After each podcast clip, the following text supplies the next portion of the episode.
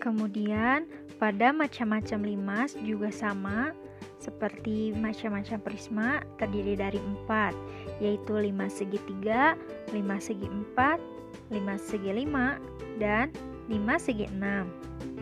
Kita sebagai contoh lagi, lima segitiga disebut lima segitiga karena dari bangunan ruang tersebut bisa kita lihat bahwa alasnya dari lima segitiga itu berbentuk segitiga.